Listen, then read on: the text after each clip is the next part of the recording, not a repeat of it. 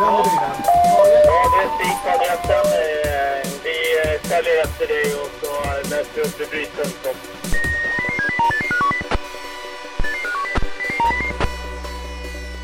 Välkommen till ett nytt avsnitt av Blåljus Tyresö här på Tyresöradion med mig, Jerker Pettersson.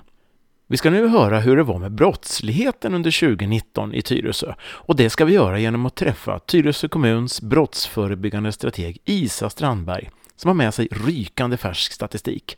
Direkt över till lilla studion.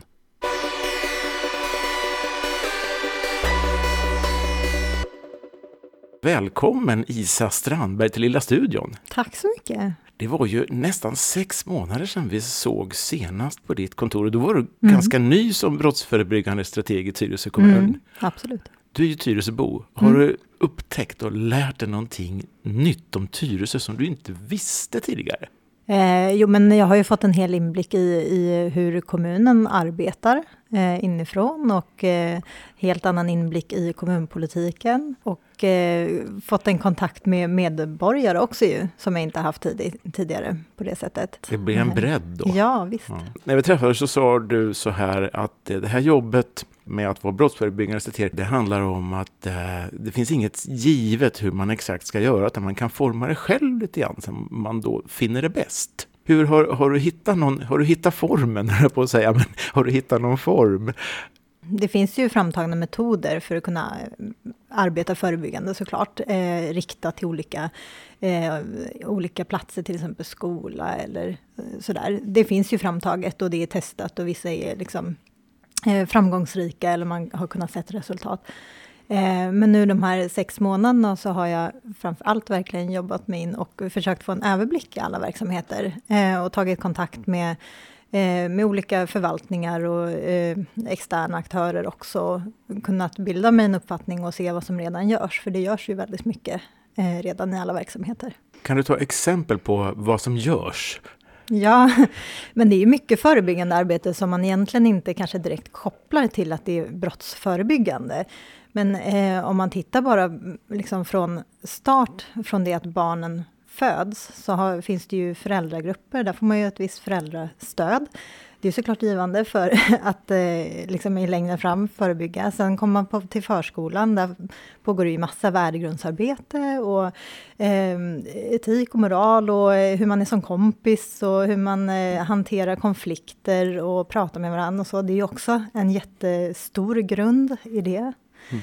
Eh, och så kommer man till skolan och där fortsätter det ju liksom ännu mer med eh, både liksom rent konkret samhällsvetenskap och allt möjligt, men, eh, men också mycket så här värdegrund och hur, hur gör man på rasterna och eh, hur är man mot varandra i klassrummet och allt sånt där. Ja, och hur gör du rent praktiskt? Ja, men mycket är ju både i så här samverkansforum, vi, vi träffas ju till exempel Eh, Eh, det, det är representanter från, från kommunens sida plus externa aktörer som polis och räddningstjänst och eh, ja, men både då brandförsvar och ambulans och bostadsförening och, eh, och sådana aktörer, bussbolag och sådär som träffas varje vecka, en gång i veckan. Och då får man ju också en bra överblick från de andra verksamheterna vad som, eh, vad som görs på både kort och lång sikt och, och hur läget ser ut och hur det upplevs. Kan ni då varje vecka följa upp att ja, förra veckan så var det det här och det här och det här och nu, nu gör vi så här och så här och så här?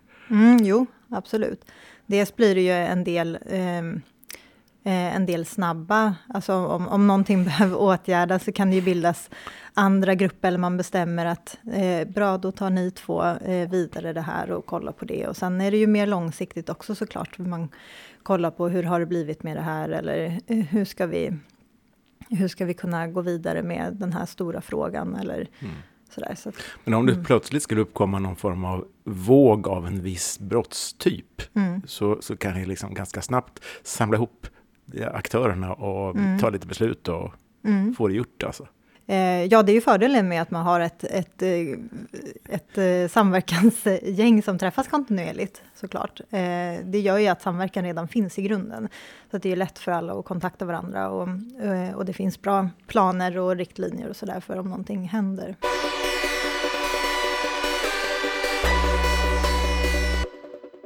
Så går vi över på brottsstatistiken för 2019 i Tyresö. Hur ser det ut? Har brotten ökat eller minskat? Vilka har ökat? Vilka har minskat? Det har varit en liten ökning eh, av anmälda brott sedan 2018. Men om man tittar längre tillbaka så är det, om man kollar till exempel från 2016 eh, så är det fortfarande lägre än 2016. Men det är ju ofta så med, eh, med statistik att det, det är ofta inte så raka kurvor utan det går ju lite, lite i vågor och så. Men det är små förändringar då kan man säga så? Mm, I det stora hela om man kollar på alla anmälda brott så är det där är det ganska små förändringar. Ja, de här siffrorna är, det är ju antal brott man mäter, eller hur? Ja, antal anmälda brott till polisen. Så där är ju också, eh, man får ju tänka sig där också, dels är ju kanske inte alla anmälda brott dömda brott, eh, utan det kan ju läggas ner eller det kanske inte ens är brottsligt det som anmäls. Alltså, det, är ju ett, det är ju polisen som får utreda det. Mm, så att säga. Men det här är ju antal anmälda brott. Så det är ett grovt mm. mättal, men mm. det är ändå ett mättal och det bästa vi har? Ja, lite så är det ju. Och sen är det ju också de här, det här mörkertalet kommer ju inte med i, i den här typen av statistik. Det vill säga det brott som inte blir anmälda helt Precis. enkelt. Finns det någon koppling till olika brottstyper? Att, ja, en viss brottstyp, där är det hög anmälningsbenägenhet och på en mm. annan låg. Absolut. Det, eh, om man tänker sig till exempel eh, brott som är beroende av eh, att man ska få ut någonting på försäkring, eh, som stöldbrott eller inbrott också och, eh, och sådana typer av brott. Eh, de har ju lite högre anmälningsbenägenhet eh, i och med att försäkringsbolag också kräver det. Eh, och sen är det ju, eh, kan man ju tänka sig då att mörkertalet är väldigt stort på de brott som är både skambelagda eller väldigt personliga. Det kan handla om familjevåldsbrott eller eh, misshandelsbrott för den delen också. Eh, personer, alltså kränkande brott eh, eller väldigt eh, personliga brott så kan man ju tänka sig då att mörkertalet är mycket större. I alla fall, 2019 var det något högre antal anmälda brott än 2018, men mm. marginellt kan man mm. sammanfatta det så. Mm. Finns det någon brottstyp som ökar markant? Ja, sen förra året har ju eh, till exempel personrånen har ökat en del. Och det har man ju sett också eh, i hela Sverige, så en tendens till att det har ökat. Eh, så inte bara i Tyresö, så, men här har vi också sett det. Vad är den vanliga förklaringen till att personrån har ökat? Är det att anmälningsbenägenheten ökar eller ökar personrånen? Eller? Det är lite svårt att, att utläsa, men eh, när det blir så här generellt så kan man ändå ha en antydan till att personrånen har ökat ändå, när det visar så tydligt i statistiken. Eh, då kan man tänka att det kanske inte bara är anmälningsbenägenheten som har ökat i det fallet. Finns det någon viss eh, typ av personrån? Går det att ringa in det så att säga? Vad är det som ökar? Eh, här i Tyresö har det varit ganska mycket riktat eh, till ungdomar och eh, att där gärningspersonerna också har varit ganska unga. Så det är eh, mellan ungdomar? Ja, det finns en tendens här i Tyresö till det, att det är så. Mm. Och är det bara i Tyresö eller är det nationellt? Nej, jag, vet du det? Eh, vet inte, jag kan inte tala för hela Sverige så, men om man kollar till exempel grannkommuner så finns det ju en liknande tendens. Eh, Haninge har ju liknande tendenser till exempel. Det är lite grann av en, om man uttrycker sig försiktigt, en liten våg då av det just nu. Mm. Ja, det kan man säga. Finns det någon brottstyp då som eh, utmärker sig genom att helt enkelt sjunka markant? Eh, inbrotten har sjunkit. Det är, ju, det är ju bra, det är kul. Och sen har ju också skadegörelsen har ju fortsatt eh, att sjunka. Om vi tar inbrott då, delar man mm. in dem i eh, någonting i bostadsinbrott och mera, eller hur går det att se mm. någon ytterligare indelning där? Ja, jag har till exempel tagit ut och kollat på eh, bostadsinbrott som då är, är både eh, villa och lägenhet och så har jag också tagit med fritidshus för det finns en del fritidshus här i Tyresö också. Då. Om man bakar ihop den kategorin då är väl fritidshus eh, den mindre delen av dem utan det är ju villa och rad, radhus och lägenhet som är den stora andelen där. Eh, men om man kollar på den, eh, den kategorin så har det sjunkit. Och det är en omfattande sjunkning eller vad ungefär i siffror är det stort så att säga? Eh, ja, om man kollar förra året då så var det eh, 140, eh, alltså 2018 då, mm. var det eh, 140 anmälda och 2019 eh, var det 112 anmälda. Och det har ju sjunkit eh, liksom flera år bakåt i tiden också. Så det är en trend att bostadsinbrott sjunker? Ja, och det hoppas vi ju verkligen att det får hålla i sig. Ja, verkligen. Du sa också att skadegörelse sjunker. För det har annars varit ett ganska vanligt brott har jag förstått. Ja. Det Eller ju... det kanske är ett vanligt men ändå sjunkande?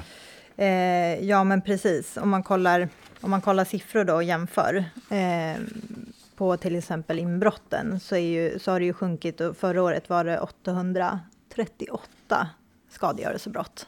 Så det är klart, det är ju en högre andel är ju, än till exempel bostadsinbrott. Och ett typiskt skadegörelsebrott, vad, skulle du säga det är? Eh, det kan ju vara klotter till exempel, eller att man eh, krossar en ruta eller krossar en busskur eller det är helt enkelt förstöra någons eh, egendom eller föremål sådär ute. Vi hade ju i höstas en våg av bilbränder minns jag. Mm. Jag tror det var i oktober någonstans där som kom. Mm. Hur ser det ut på den fronten nu då? Eh, ja, det har ju eh, inte dykt upp sig jättemycket mer bilbränder på sista tiden, vilket är jätteskönt. Eh, och då, bilbränder är ju också en sån, eh, sån som kan inkluderas i skadegörelsebrott. Och då i alla fall om det inte är någon person inblandad, alltså om någon sitter i bilen, då, för då blir det ju eh, en annan typ av brott. Jaha, mm. vad, vad, blir det då? Eh, då kan det ju till exempel bli mordbrand eller liknande. Där. Men då, är det ju, eh, då finns det ju en person med i bilden som är, ja, finns risk för att den skadas. Så att säga.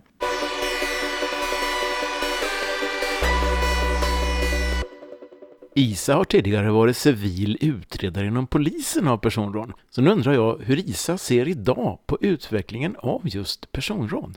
Eh, det går ju alltid lite, lite i vågor vad som är attraktivt och att ta såklart. Och det, är, det har ju med trender i, alltså både modetrender och när prylar utvecklas eller priser sjunker eller stiger på marknaden. Alltså det är ju kopplat till, till allt sånt och om det finns andrahandsvärde i vissa föremål. Eh, men eh, just nu generellt kan man väl se eh, ungefär att det Eh, att det har att göra med jackor eller dyra märkes, eh, märkeskläder av något slag. Eller eh, Air, airpods, tror jag de heter. Eh, de här man har i örat, de här små ja, vita som alla går omkring med. Ja. Mm, de är dyra. Ja, och det är ju sånt som påverkas av eh, vad som är stöldbegärligt. Eh, tidigare har det varit, eh, alltså när jag jobbade som utredare, då var det en våg av eh, klockor ett tag. Alltså det där går ju lite i... Det går i, i vågor. Ja. Så det kommer och går. Mm. Så att med tiden så kanske airpods går ner i pris. Mm. Eh, brukar vara som med de flesta produkter. Och då blir de inte så stöldbegärliga och då skulle potentiellt personrånen sjunka. Ja, om det är det då som är, är enbart syftet med att, att uh, råna också. Vilka andra syften än att uh, tillskansa sig ekonomiska fördelar är det då? Så I vissa fall kan man ju se en, en förnedring i, alltså en vilja att förnedra eller eh, liksom gå, gå ett steg ytterligare så än att bara stjäla. Och då, där finns ju också ett större problem i det. Se, ser du någon trend i just den om vi får kalla det då förnedringsanledningen nu mot tidigare? Jag kan inte säga precis i Tyresö, i och med att jag inte har jobbat så länge i Tyresö, så har jag liksom inte haft inblick i hur just personrånen har sett ut här eh, tidigare år. Eh, men om vi kollar generellt så, så kan jag ändå eh, känna att det finns en antydan till att bli, det blir lite grövre. Och eh, om man lyssnar också nationellt på andra eh, platser och, och, rapporteringar och sådär så, så finns det ju liksom en, en tendens till att det låter som att det blir, blir lite mer av förnedringsinslag i personen. Mm. Hur ska vi tackla det då, är ju den fråga som kommer upp i mitt huvud. Jag har du något svar? Eh, det finns ju flera delar i det. Eh, en del är ju såklart att verkligen ta hand om de som blir utsatta, för det är ju otroligt, alltså det kan vara otroligt traumatiserande för den enskilde som blir utsatt. Eh, oavsett om det är liksom mycket eh, förnedring eller mycket skada eh, på personen eller om det bara är, liksom, det är ju bara en rädsla kanske i att bli utsatt överlag. Det behöver inte vara så mycket grövre än så för att bli ett trauma för den enskilda personen. Så det så handlar det ju om att, att vi ska kunna ta hand om dem såklart och ge bra stöd och, och hjälp och sen kan man ju börja fundera också på anledningen till varför sådana här brott begås. Hur ska vi tackla det? Eh, på kort sikt så handlar det ju mycket om eh, att ta reda på vilka det, vilka det är som begår brotten. Eh, och där är det jätteviktigt att brotten anmäls. Eh, det är ju A och O för att polisen ska kunna utreda dem och kunna se samband och kunna se samband på vilka personer det är det handlar om som begår de här brotten. Och kunna liksom, eh, ringa in det och ta bort de personerna. Så, och, och såklart försöka, alltså det jag önskar mig i samhället och kan erbjuda dem stöd och hjälp till att eh, komma in på andra banor. Och sen ur ett långt perspektiv så är det ju också att eh, hur ska vi se till så att det inte ökar? Att de unga barn vi har i vårt samhälle idag ska bli personrånare eller kriminella på andra sätt eller bara liksom, eh, bli, ha, få psykisk ohälsa. Det handlar om att liksom ta, ta hand om de, de mindre barnen också så att de kan växa upp och, mm. och få bra förutsättningar. Du, nu har vi pratat om eh, inbrott, vi har pratat om eh, personrån och skadegörelse och så vidare. Det jag tänker på är ju då hur det ser ut med narkotikabrotten. De har ju också ökat. Och det är ju den, en typ av brott som också påverkas av eh, om polisen satsar på att, att anmäla eller leta upp den typen av brottslighet. Om de jobbar uppsökande eller eh, letar efter att kunna rapportera för narkotikabrott så ökar ju det också i statistiken. Det är inte alltid dåligt. Eh, det är så jag ska säga att narkotikabrott ökar. Det är ju också en indikation på att det jobbas mycket med narkotikabrott. Så det ja. är lite parallellt sådär. Hur är det då 2019 i Tyresö? Har polisen varit mera på och jagat narkotikabrott? Eller? Jag kan inte säga så i jämförelse med hur det har varit i Tyresö och hur polisen har tänkt i Tyresö innan, i och med att jag inte har jobbat Nej, tidigare i Tyresö. Ja. Men, eh, men jag tycker att eh, eh, polisen har varit engagerad i narkotikabrott. Och senast häromdagen kunde vi läsa här i, i media om något större beslag, tror jag, av, det var väl cannabis. Och när vi spelar in här så är det den 20 februari. Så jag tror att det var här den 18-19 det var. Eh, ja, jag såg eh, precis, jag såg ett inlägg i, sent igår kväll. Det var ett stort narkotikatillslag. Det indikerar väl då att polisen är lite på och jagar mm. här. Mm.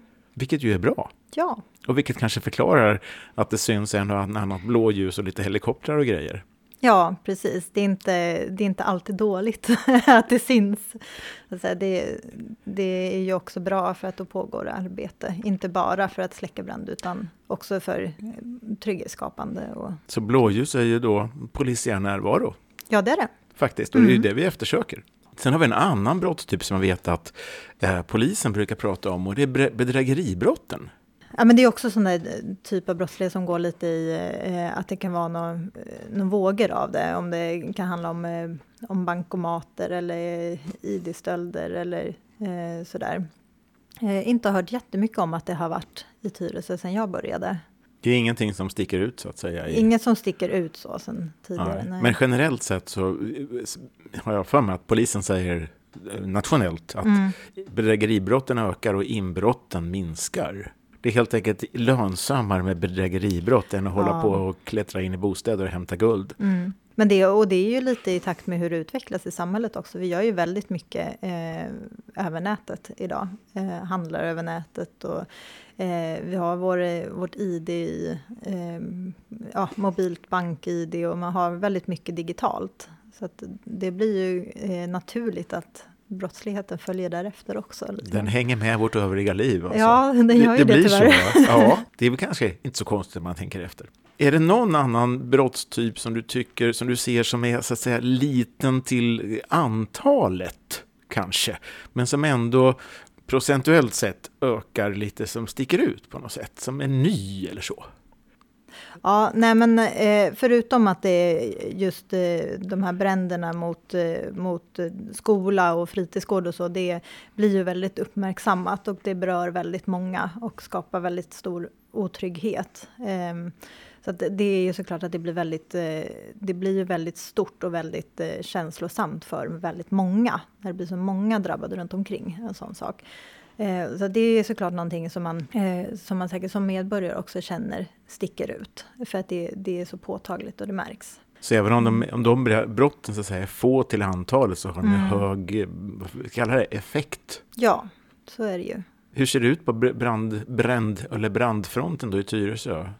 Jo, många av de här, alltså om det blir en brand mot eh, en skola eller en, en fritidsgård till exempel, där det, eh, där det kan befinna sig människor i, så blir det, det kan i alla fall bli rubricerat som mordbrand. eh, även fast det inte är då under skoltid eller så. Eh, sen vet inte jag om alla de här har blivit rubricerade som det, för det är ju polisen som sätter rubriceringen på, på brottet. Mm. Så. Men om man tittar på alla eh, polisanmälda mordbränder i Tyresö så har det, om, man, om man kollar från 2016 så finns det liksom en, en liten minskning av det. Men jämför man bara från 2018 till 2019 så är det en ökning från fyra anmälda brott till sju anmälda brott. Eh, där är också, det är ju så få antal brott så att där blir ju också eh, kurvorna och statistiken blir ju lite vanskliga. Och där, ska jag säga, där ingår ju då, eh, när jag har kollat på mordbränder så är ju det alla typer av mordbränder. Alltså det kan ju också vara då i, i fordon eller det kan vara eh, på alla typer av, av platser.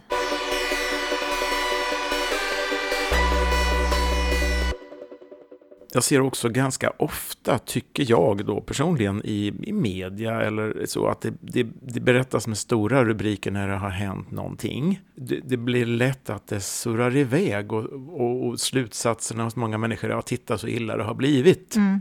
Och samtidigt då så kanske det inte är så de facto att det är så mycket mer av den ena eller andra brottet. Eh, hur, hur ser du på, på den eh, trenden, så att säga, eller den, vad får kalla det då, yttringen? Ja, eh, nej men för det har man ju också sett om man kollar på hela Storstockholm så finns det ju en sån tendens till att eh, brottsligheten generellt sett minskar en del, men att otryggheten hos befolkningen ökar. Och det är ju komplext att fundera över varför det är så, eh, i och med att också en, alltså otrygghet är ju en subjektiv bedömning från den enskilda personen, som olika för olika människor och har beroende av vad man har varit med om innan och så vidare. En, en del är ju, kan jag tänka om man kollar liksom ännu längre på sikt, så är ju sociala medier en del som gör att informationen sprids fortare och lättare och det blir eh, lättare till diskussion Eh, och också, eh, det är ju lite som den här viskningsleken egentligen. Eh, om man kollar att det till slut så blir det någonting annat än vad det kanske var från början. Eh, med olika människors slutsatser eller, eh, eller kommentarer eller åsikter eller sådär. Så när en historia, en berättelse har vandrat genom fem, fem huvuden så när den kommer fram efter femte huvudet så är det inte riktigt samma historia som det börjar med. Nej, så kan det ju lätt vara. Och sen det, kan det ju lätt bli igenkänningar från andra, så då blir det andra händelser som blir inblandade, vilket man indirekt kopplar då till samma händelse, fast det har hänt för kanske tio år sedan. Eller, alltså så blir det ju lätt när man pratar och det blir ju så tydligt också i sociala medier när det är så snabb spridning och det, blir så, det är så många som nås av det och så många som berättar om vad de också har varit med om eller upplevt eller sett eller hört om. Eller sådär. Om vi nu säger då att trygghet är ju faktiskt en, en, en personlig upplevelse eller känsla. Mm. Och personligen så jag upplever inte egentligen, jag känner mig inte otryggare. Jag kan inte säga det. Jag kan inte Nej. få ihop det till det. Nej. får jag fråga vad din känsla är? Eh, nej, jag känner mig inte otryggare. Det kan ju verka lite konstigt eftersom jag, jag vet att eh, brott begås. Och, eh, jag känner mig heller inte otryggare när jag jobbade med utredning inom polisen, även fast jag visste eh, alla grova brott som begicks också runt omkring. Eh, jag vet inte om det kanske handlar om en kunskap att veta ungefär att det är ändå majoriteten som inte drabbas. Eller, och, och framför allt eh, en minoritet som faktiskt begår brott. Så att jag känner mig ändå ganska trygg och vet att de flesta människor är snälla och eh, hederliga människor och så. Och det finns en minoritet som av olika anledningar begår brott. Mm. Mm. Så det är kanske är så, så enkelt alltså att kunskap är, är grejen? Kanske, kanske är det så för mig i alla fall. Sen är det ju olika för olika. Ja, men jag tänker så här att när vi då uh, som bor här ser att jaha, här händer det någonting, nu, nu är det poliser eller det tutar eller någonting sånt här, då blir vi nyfikna så vill, vill vi veta. Och får vi inte veta, då blir det så här frågetecken och frågetecken brukar generera massa påhittad information om att ja, det är nog si eller så. Så att om vi ökade kunskapen hos alla vad som verkligen sker, då skulle det ju då kunna leda till eh, ökad trygghet. Eh, ja, det kanske det skulle kunna göra. jag får säga, mm. den är mm. min personliga teori. Ja. Mm.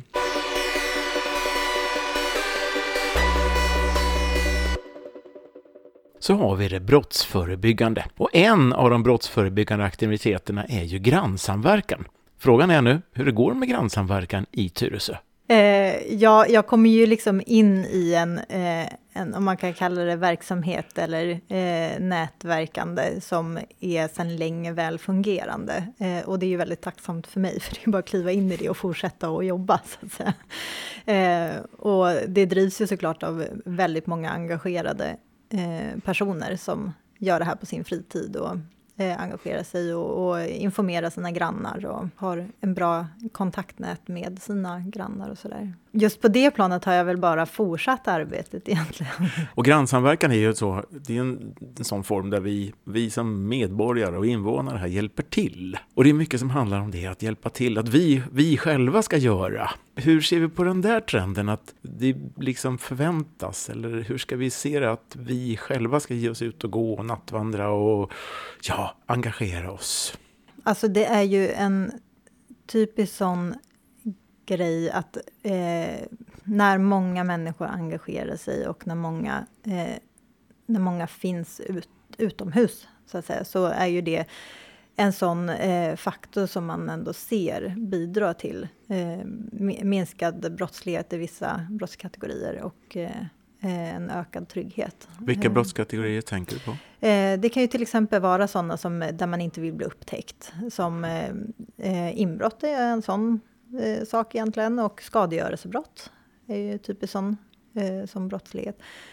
Även eh, narkotikabrott, viss typ av, eh, av våldsbrott, eh, inte de här kanske impuls eh, våldsbrotten som styrs mer av, av känsla eller aggression eller sådär. Men, men det planerade så, det kan man ju ändå förhindra till viss del genom att, det, att man finns där och ser. Och, och inte allra minst så blir det ju Eh, om många vuxna finns ute så blir det en stöttning till våra barn och ungdomar i kommunen också såklart som är där för att inte begå brott utan bara för att mm. finns där så är det ju såklart en stöttning och vägledning också för dem, hur, ja, att de kan vistas där. Det finns ju olika typer av, eh, av vandringar. Så. Eh, dels så finns det ju eh, det här vandringskonceptet som är likt grannsamverkan med Eh, Eh, ett vandringsombud så, som har sitt eget nätverk och sköter sina egna vandringar och eh, där det inte finns något krav på eh, hur mycket eller när och var och hur så, utan bara för att eh, uppmuntra till att finnas ute.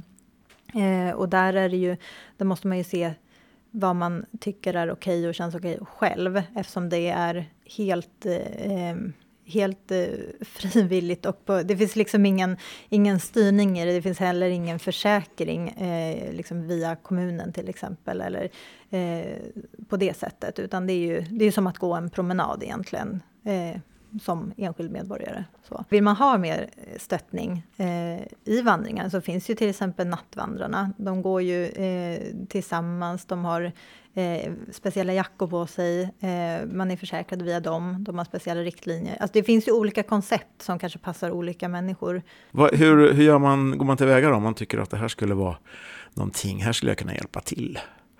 Eh, man kan alltid kontakta mig och fråga. Eh, mina kontaktuppgifter finns på många av sidorna på tyresö.se som handlar om, om vandringar eller eh, trygghetsfrågor överlag. Så finns min mejladress där. Man hittar Isa överallt. Ja, på de sidorna i alla fall. man kan också, när det gäller nattevandrarna, kan man ju kontakta dem eh, enskilt, för de är ju inte kommunala, utan de är ju en egen eh, förening. Mm. Det är grannsamverkan och nattvandrare som är de områden där vi kan direkt göra något.